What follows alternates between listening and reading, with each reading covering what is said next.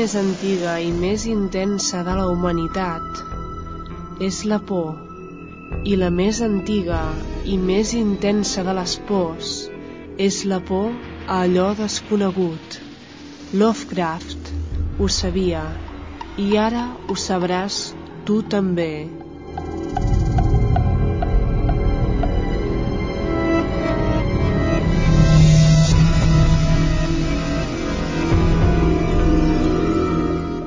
Arcanum. Tots els divendres, de 8 a 9 del vespre, al 107.7 FM. El teu programa de misteri a Ràdio Nova.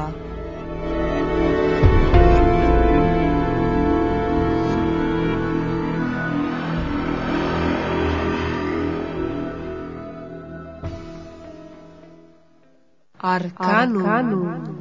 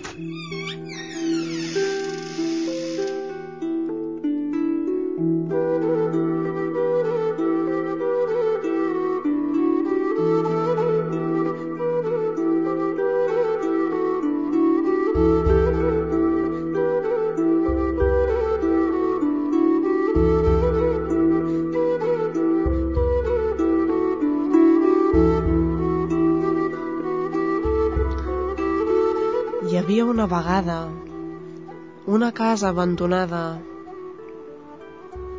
en la que ningú s'atrevia a viure-hi perquè tothom deia que estava encantada.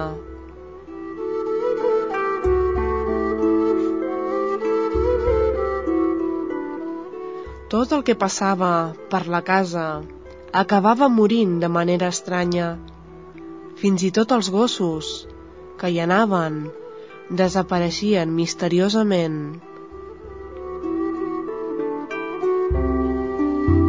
Però una vegada, una dona que vivia a la misèria, cansada de passar fred a la intempèrie, va decidir anar a viure a la casa, malgrat la llegenda. La dona va trobar un bon refugi a dins d'aquesta casa, almenys durant els dos primers dies, però al tercer algú va trucar a la porta.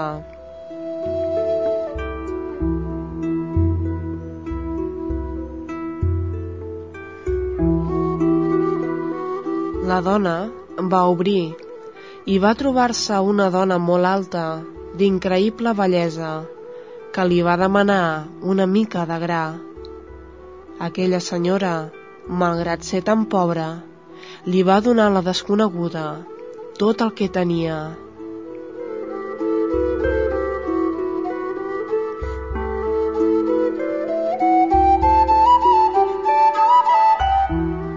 i aquella desconeguda va tornar uns dies després per pagar-li a la dona tot el que li havia deixat.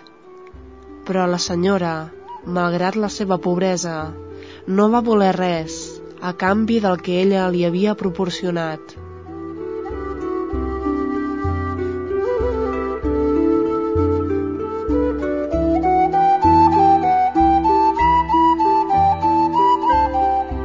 Aleshores, la desconeguda, que era una fada, li va dir a la dona que mentre no obrís la porta del darrere es podia quedar a viure allà fins quan volgués. I la dona, que fins llavors no sabia el que era una casa, va donar les gràcies i va viure tranquil·la la resta dels seus dies en aquella casa que havien dit que estava encantada.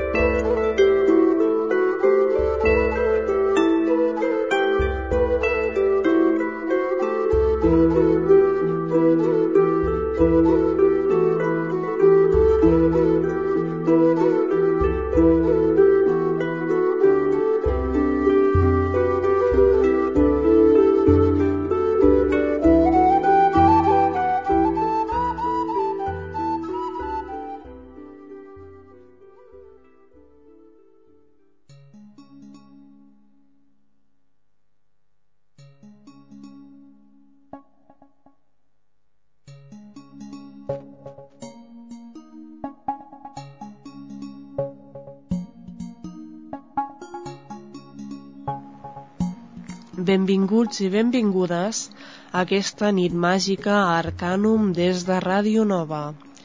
Espero que us hagi agradat aquest conte que ens parla de les fades, a vegades venjatives, a vegades terribles, però simpàtiques, màgiques i molt agraïdes quan toca.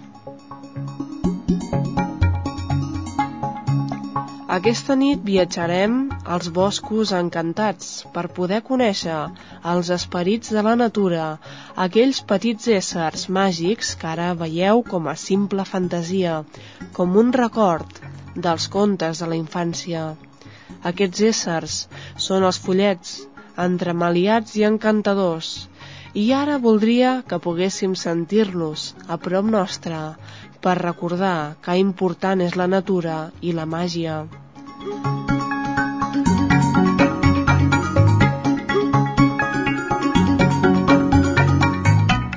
Aquests éssers habitualment viuen en contacte amb la natura, tot i que en alguns casos, com a Catalunya, habiten a les nostres cases com a uns companys discrets i misteriosos. Com sabeu, són éssers més aviat baixets, o fins i tot poden ser diminuts no estan lligats a les lleis del temps i protegeixen la natura. Normalment viuen en comunitats organitzades i on hi ha jerarquies. Tenen reis i reines, tal i com es veu en el somni d'una nit d'estiu de William Shakespeare. Oberon i Titània són un matrimoni que regna fades i follets.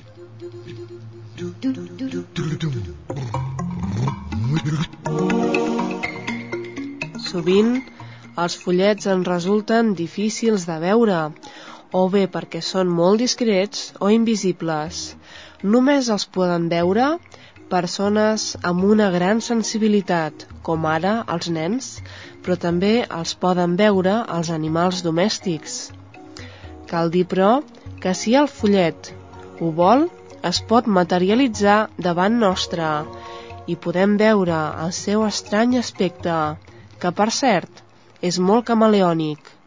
Alguns d'aquests follets poden mutar el seu aspecte de manera espectacular, ser més alts o més baixos després, més atractius o més lletjos, o fins i tot apareixen en la forma d'animals.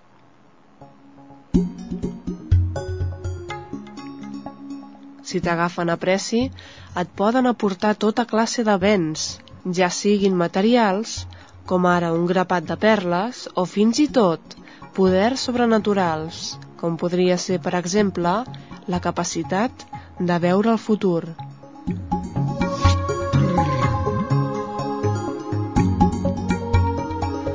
En canvi, si aquests fullets ens tenen rancor, es comporten amb agressivitat i de manera venjativa, habitualment per la seva actitud amb les persones, es veu com un tipus d'ésser més aviat juganer, amb tendència a gastar bromes i a confondre a les persones amb els seus poders màgics. També és cert que la relació amb els humans va més enllà de les bromes. Es diu que alguns d'aquests follets s'acosten molt a les persones i que fins i tot i poden tenir relacions sexuals. Hi ha històries molt curioses de fills híbrids, mig humans i mig follets. Hi ha qui diu que els follets són immortals, tot i que no és cert. Poden arribar a viure uns 500 anys, fins que es van debilitant i van desapareixent, de manera que es desintegren, es fonen amb la natura. No tenen esperit i no poden ser morts per l'acció del foc, de l'aire, l'aigua o la terra. Ells estan formats d'èter.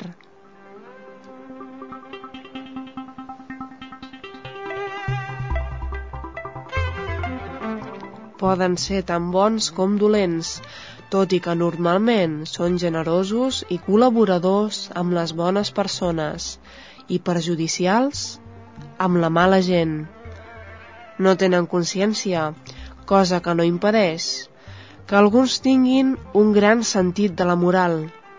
Són racionals i poden arribar a ser molt intel·ligents, a part de tenir habilitats màgiques.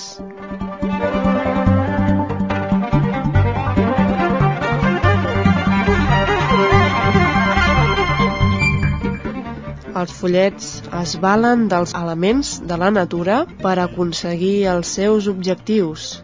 Per tant, poden influir directament amb alguns fenòmens de la natura,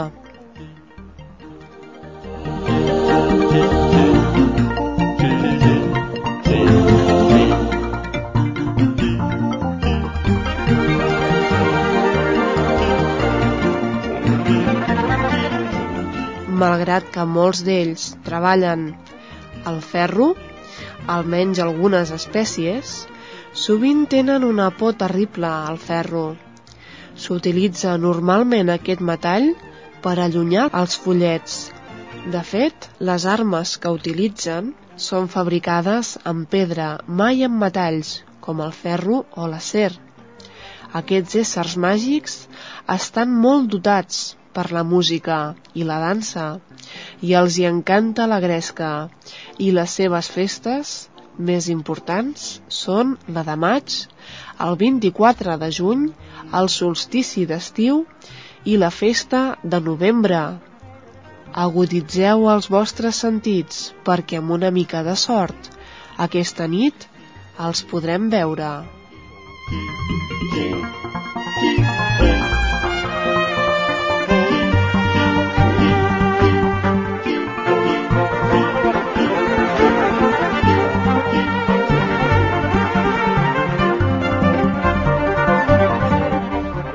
De fet, segons alguns investigadors, tota persona té un follet que l'acompanya.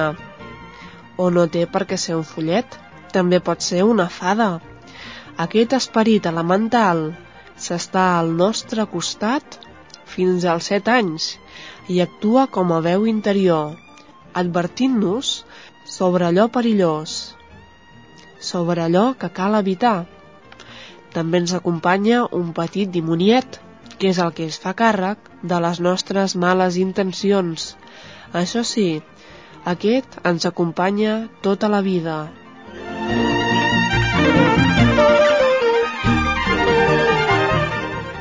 I com no, també tenim la companyia de l'àngel de la guarda, que tota la vida s'està al nostre costat per protegir-nos, reconfortar-nos i funcionar com a consciència. Aquests éssers màgics ens equilibren, ja que representen tres àmbits molt diferenciats. El cel, representat per l'àngel, l'infern, representat pel dimoni, i la terra, representada pel follet. Aquella llum estranya al cel no és Venus, i aquella veu a la foscor no és fruit de la teva imaginació.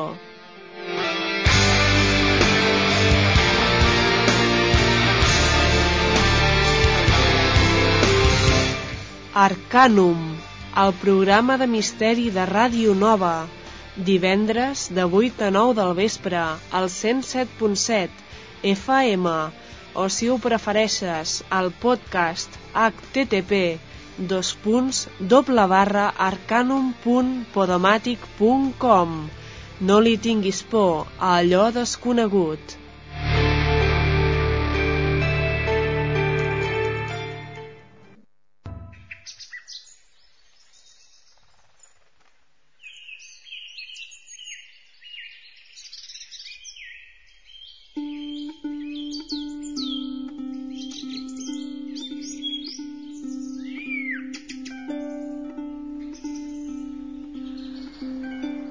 Diferents tipus de follets. Un d'aquests tipus és el follet domèstic del que ja hem parlat altres vegades. Viuen a les nostres cases. Agafen efecte per una família i normalment no es deixen veure. Sovint juguen a les nits i són discrets, tot i que col·laboren amb nosaltres i ens poden ajudar a la vida quotidiana tant pot ser que visquin en cases rurals com que alguns se sentin més atrets per la ciutat.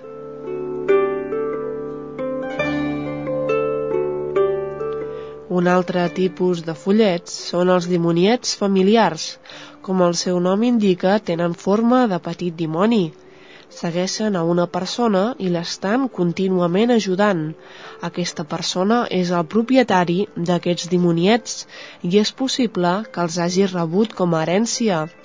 Tot i que aquests fullets també es venen, es regalen o s'invoquen mitjançant rituals màgics.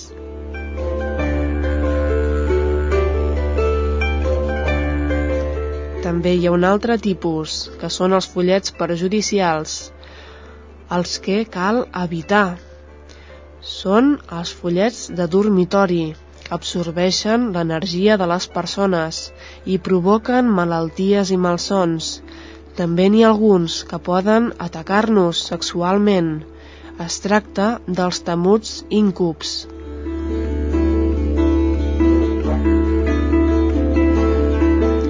Alguns d'aquests follets perjudicials són els minúsculs malignes.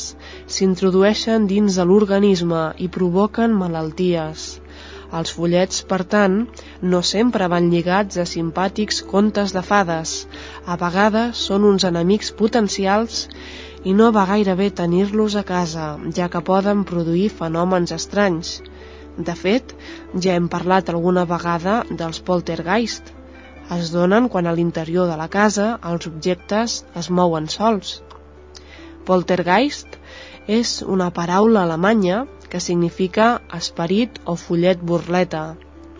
Aquests fenòmens tenen diverses explicacions. Hi ha qui diu que els produeix l'esperit d'algú que ha mort, tot i que, segons algunes fonts, es diu que els follets són els que provoquen aquests fenòmens, tot i que la versió més satisfactòria explica que aquests fets els produeix de manera involuntària una persona que viu a la casa.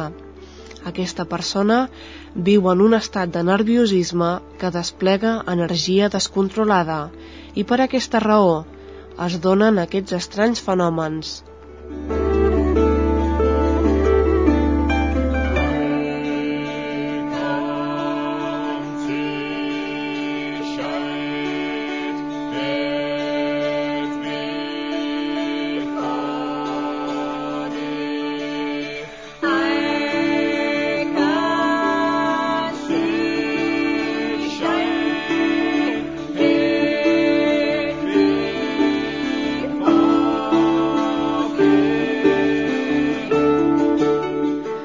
Les molèsties a casa les produeix un follet, el millor que podem fer és allunyar-lo amb objectes de ferro i col·locant per la casa recipients amb sal o escampar-la aquesta pels llocs més estratègics de la casa.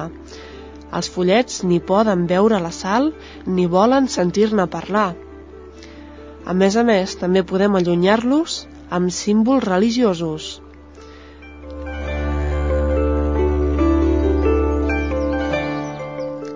Els follets catalans tenen per costum ser bastant bromistes.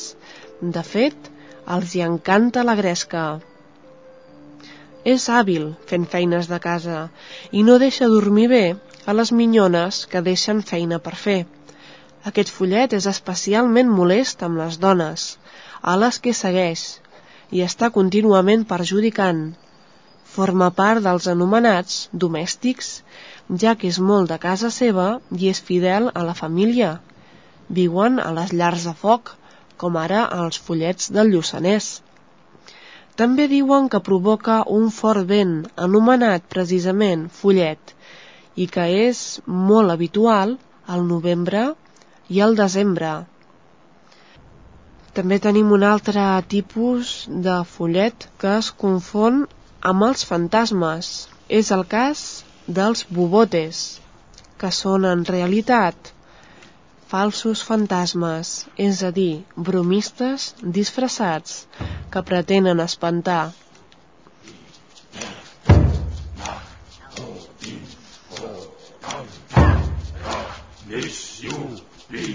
Entre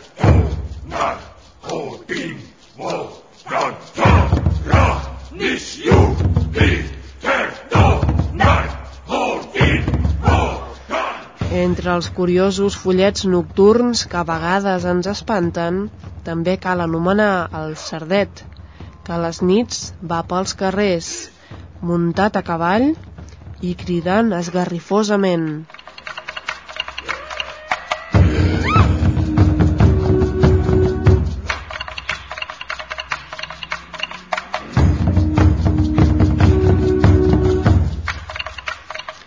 Però no tots els follets es dediquen a fer entremaliadures.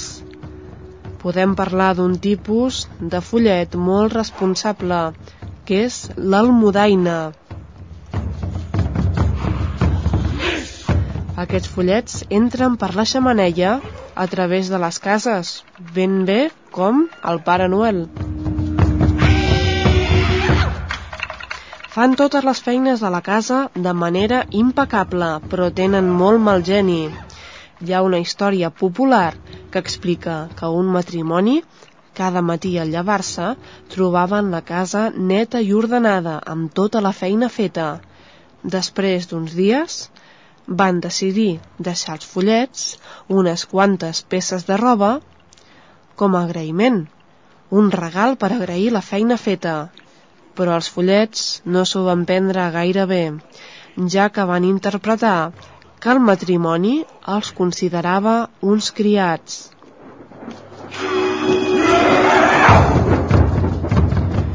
Els follets almudaines van enrabiar-se tant que es van dedicar a llançar pels aires tots els estris de la cuina, fent que el matrimoni sortís de la casa amb un bon ensurt, com us podeu imaginar. Oh.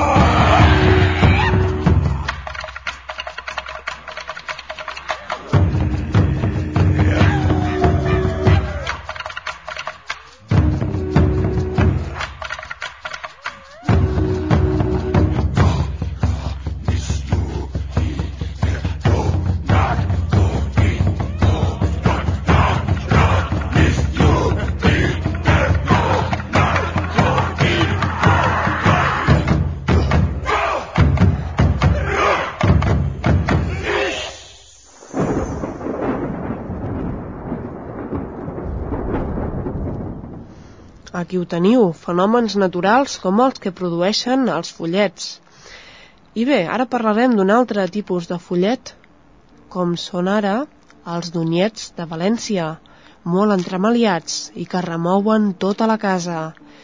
Van vestits de manera característica. Al cap porten un mocador amb un picarol lligat a la punta i van amb una faixa a la cintura. Alguns creuen que els doniets són responsables d'un poltergeist al teatre d'estiu de Gran Via. Tot va passar el 13 d'agost de 1935, quan les actrius es vestien als camerinos. De sobte va començar a ploure pedres a l'interior dels vestuaris. Aquest fet inexplicable va tenir com a resultat un bon esglai i algun ferit lleu. Una de les noies va dir haver vist, reflectida al mirall, una ombra lluminosa. Seria un doniet?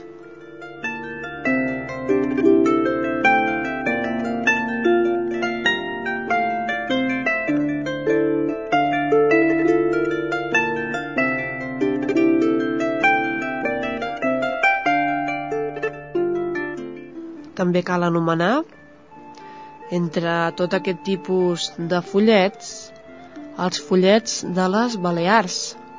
Es diu que de tant en tant apareixia algun afortunat que duia un d'aquests fullets a sobre. Anaven ficats a dins d'una bossa feta de pell de foca amb el costat del pèl girat cap a dins L'amo que duia aquest fullet a sobre adquiria habilitats sorprenents, com ara el poder de transformar-se o tenir una gran velocitat. Aquesta història es relaciona directament amb l'expressió tenir fullet, és a dir, que la paraula fullet no ens parla de cap ésser màgic, sinó de l'habilitat d'una persona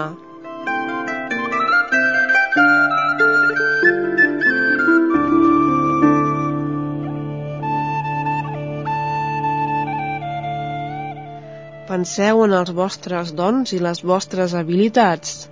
Creieu que hi ha un ésser màgic que us les dona? Coneixeu bé l'expressió tener duende? Doncs d'això precisament ens parla aquesta curiosa història de dur un fullet a la bossa.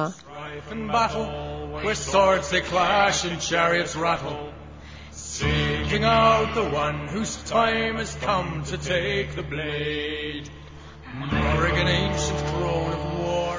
els fullets, però, no són tan amables ni tan generosos. Hi ha alguns tipus, com ara els barruguets d'Ibissa, que a vegades són una mica molestos. El seu aspecte és ben curiós. Tenen els braços llarguíssims, desproporcionats. Porten una barba punxeguda i tenen una veu gravíssima, Normalment viuen en coves, molins i pous. Té la mala costum de gastar bromes pesades a les persones. Sovint s'expliquen anècdotes sobre les dones que van a buscar aigua als pous.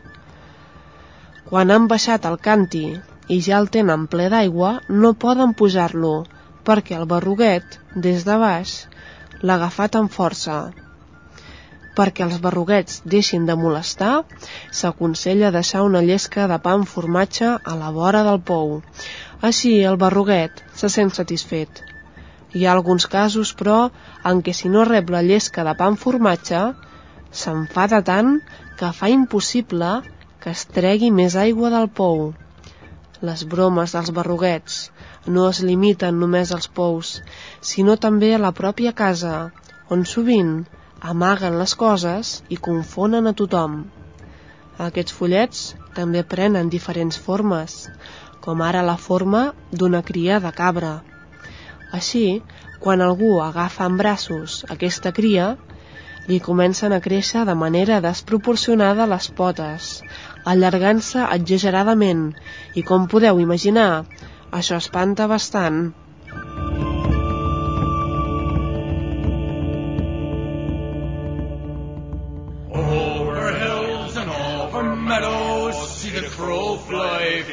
Shadow. Over woods and over mountains, searching for a war. Her wings embrace each strife and battle, where swords they clash and chariots rattle. Seeking out the one whose time has come to take the blade. Morgan Els elfs són més alts i més sofisticats que els follets. Tenen també una màgia especial i hi ha també diferents tipus. Hi ha els anomenats elfs de la llum, especialment difícils de veure, poden canviar de forma i viatgen a través de quatre dimensions.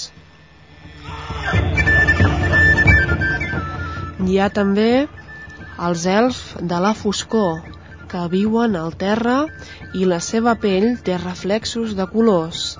A vegades viuen a les nostres cases, però sempre en racons foscos. Només apareixen al migdia i a la nit. Els elfs de la penombra són molt nombrosos i estan lligats a lleis de temps, espai i lloc són fàcilment reconeixibles i no s'allunyen gaire de les seves cases, siguin en un arbre o en una planta.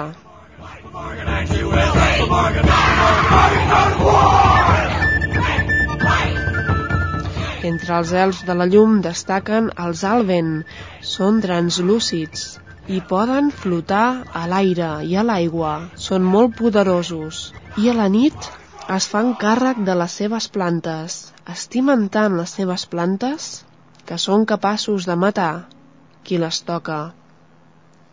Canvien de forma i viuen molt sovint als llacs. Un altre tipus d'elf de llum són els Side, les famoses fades. Són descendents dels irlandesos originaris, els Tuata de Danann. Els seus aristòcrates són molt alts fan una música meravellosa, tenen molt poder i una gran bellesa. La seva reina, Maivy, és tan bonica que mirar-la és perillós per als humans. Només rivalitza amb ella el bufó, Amadan Nabriona, un personatge que provoca un gran temor. Aquestes fades segresten humans i els esclavitzen qui torna del seu món màgic apareix embogit o amb estranys poders. A les fades els hi molesta molt la gent deixada. Per això hem de ser persones ordenades a la seva presència. Això sí, les fades agraeixen les ofrenes, així que sempre els hi podem deixar una mica de llet o de menjar per protegir-se d'elles van molt bé el ferro, la sal i els símbols religiosos. I si el que voleu, en comptes d'allunyar-les, és veure-les, va molt bé dur un trèvol de quatre fulles al barret. Això sí, convé no tenir contacte amb les fades durant la nit de Halloween i l'1 de maig, perquè és quan tenen més poder i poden ser perilloses.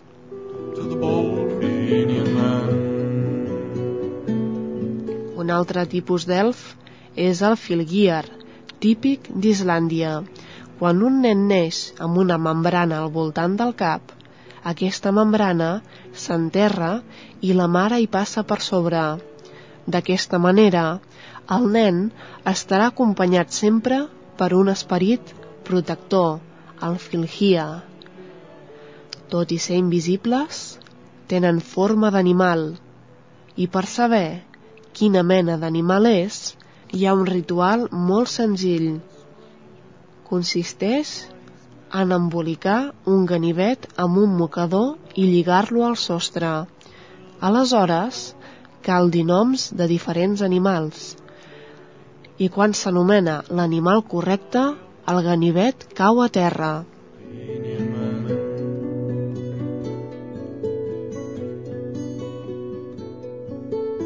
Només es pot veure el filhiar quan el seu amo està a punt de morir.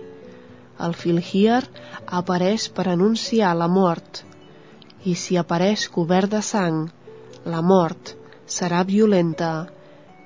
En canvi, si apareix silenciosament, la mort no serà tan terrible.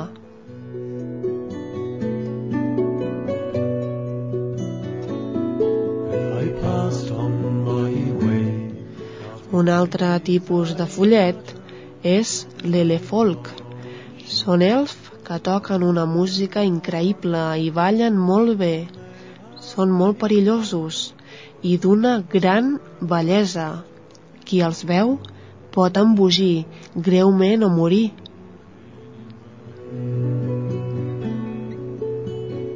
També parlarem dels foleti, que viatgen al vent, provoquen catàstrofes naturals, són molt violents i molt perillosos, ataquen molt greument a les persones. I cal protegir-se fent sonar les campanes de les esglésies. O resant a Sant Felip i a Sant Santiago.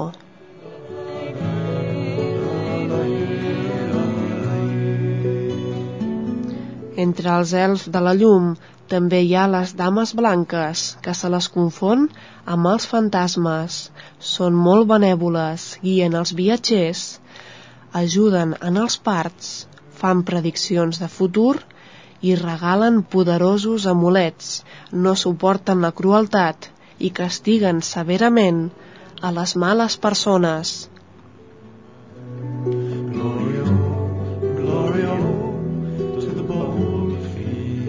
També hi ha dames verdes, que són molt apassionades i enganyen els homes que enamoren. Viatgen amb el vent i semblen difuntes. A uns altres elfs de llum que hi ha són els Will o The Wisp. Són les estranyes llums que apareixen sense explicació. Les porten als elfs insegurs i són una mena d'esperits a punt d'entrar en un món màgic.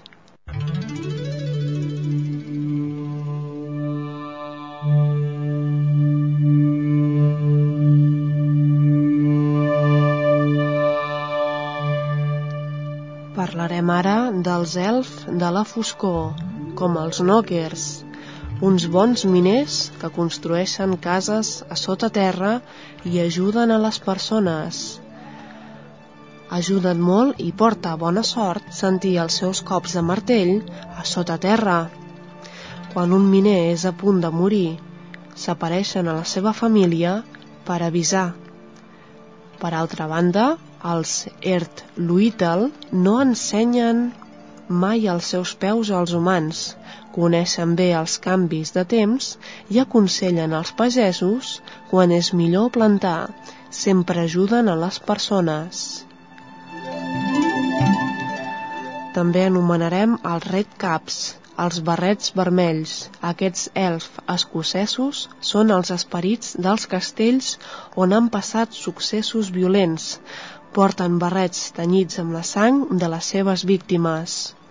Els Witchtelen, en canvi, no són violents, però són molestos i sempre gasten bromes. Un altre tipus d'elf són els Charge Grims, els esperits d'animals sacrificats pels primers cristians. Viuen a les esglésies i prediuen la mort dels feligresos. Els Quiet Folk són silenciosos i educats i sempre saben on trobar pedres precioses. Són bruixots poderosos i curen malalties. Estan relacionats amb els Quiet Folk Changelins, que són membres abandonats pels Quiet Folk, que els canvien per éssers humans. Són molt sorollosos i molt molestos.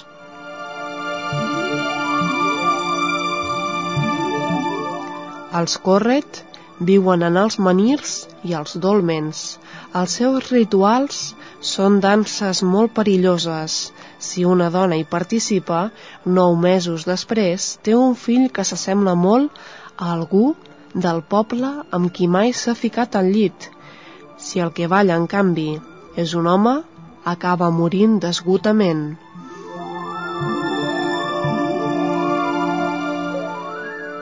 Parlem ara dels elfs de la penombra. N'anomenarem només uns quants, perquè n'hi ha moltíssims. Per exemple, començarem per les fes, les fades, que n'hi ha de diferents tipus. Cuiden la natura i tenen uns llargs pits que poden posar-se sobre les espatlles. Donen bona sort i bons consells.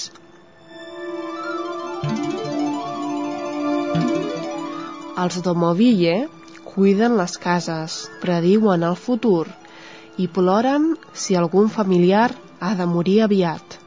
El 30 de març muden de pell i s'ha de vigilar perquè això els posa de molt mal humor. Els Bànic viuen a les casetes on hi ha un lavabo a part, com es feia antigament, i ningú s'hi ha de banyar quan és de nit, perquè és just el moment en què el follet es banya i se sent molt molest. Pot ofegar els intrusos que van a banyar-se en el seu bany.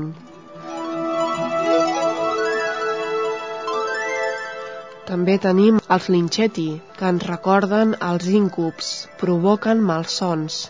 Entren a les habitacions a través del forat del pany, s'asseuen al pit de qui està dormint, provocant sensació d'ofec. Per lliurar-se d'aquests elf, cal tenir un ambient desagradable a l'habitació, com ara el desordre o la brutícia, o tenir a l'elf entretingut, com és el cas d'una noia que li va demanar a l'Inqueti que allisés un pèl del pubis. Com que ell no podia fer-ho, va perdre la paciència i va marxar. Els Rosalki són un altre tipus d'elf molt curiós. La seva història és molt tràgica, ja que són els esperits de les noies que s'ofegaven o es suïcidaven. Es poden veure durant el dijous sant, on apareixen a la vora dels rius per pentinar les seves cavalleres verdes. Sis setmanes després de Pasqua, se'n van als arbres i demanen peces de lli als vianants. Renten aquestes peces i les estenen a l'aire lliure. Qui aixafa aquesta roba perd la coordinació o la força. Una setmana després, recullen plomes i material per construir-se nius a sota de l'aigua. Al Pentecostés caminen sobre les collites i el 29 de juny ballen sota la llum de la lluna. Si un home balla amb elles, es torna boig.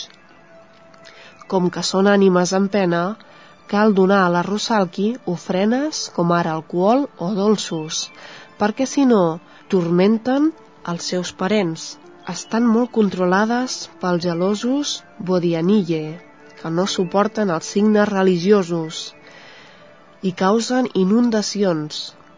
Els Bodianille són molt perillosos i devoren a les persones que s'ofeguen a l'aigua.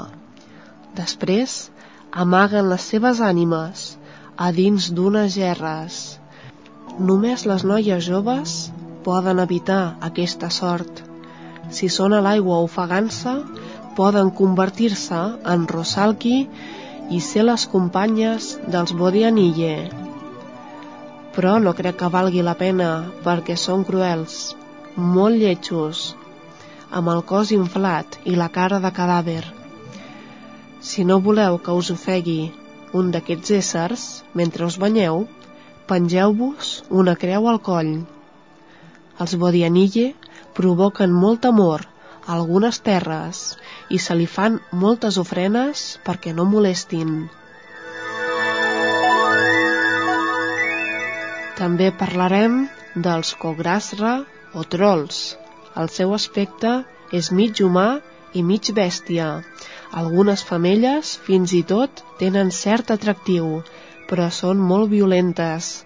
Poden mantenir relacions sexuals amb homes però el resultat és un embràs molt arriscat del que neix un monstre.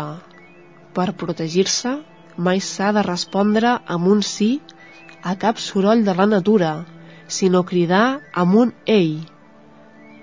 Els que creuen que s'han perdut al bosc s'han de posar al revés l'abric i els mitjons i resar un pare nostre començant pel revés D'aquesta manera us podeu protegir dels trolls.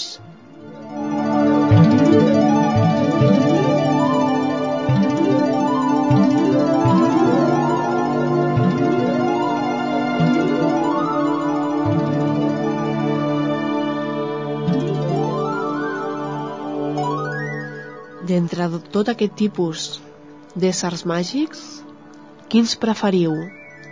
Jo, per descomptat, prefereixo les dames blanques i les fades que ens ajuden, o les nimfes, de les que parla la següent cançó, Call of the Nymph, la crida de la nimfa una peça de Priscila Hernández que sona a màgia i a natura.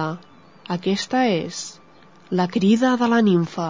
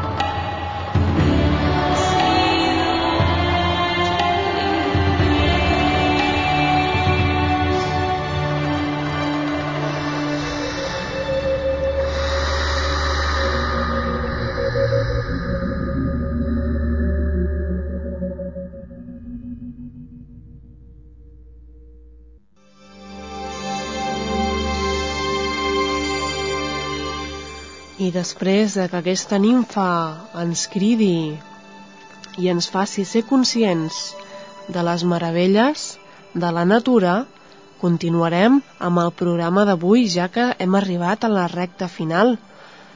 M'agradaria comentar-vos una curiosa notícia que ve del nord.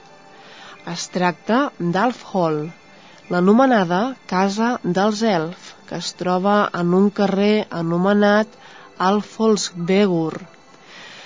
Quan es feien les obres d'aquest carrer, la maquinària es parava constantment i hi havia molts fenòmens estranys. Diuen que eren els elf qui provocaven aquests fenòmens. Per fer aquest carrer calia destruir unes roques que eren molt nombroses i que, segons la llegenda, eren habitades pels elf. Aquest tipus de fenòmens podien ser l'obra d'aquests éssers màgics que volien impedir que les seves cases fossin destruïdes. Però realment el que passava no és que la maquinària es parés com per art de màgia, sinó que no hi havia prou diners per enderrocar aquestes roques que es trobaven al mig del pas de les obres que volien fer. Cal dir, però, que quan els diners es van aconseguir, tampoc no es van destruir les roques, perquè aleshores van ser els ciutadans que van impedir-ho, dient que allà hi vivien els elfs i no se'ls havia de molestar.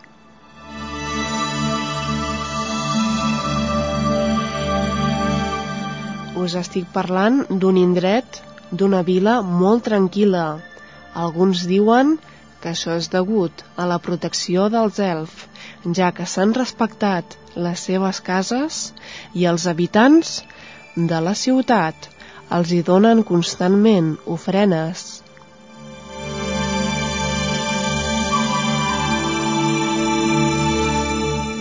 Com veieu, hi ha qui creu en els elf i en els éssers màgics. I creieu vosaltres també?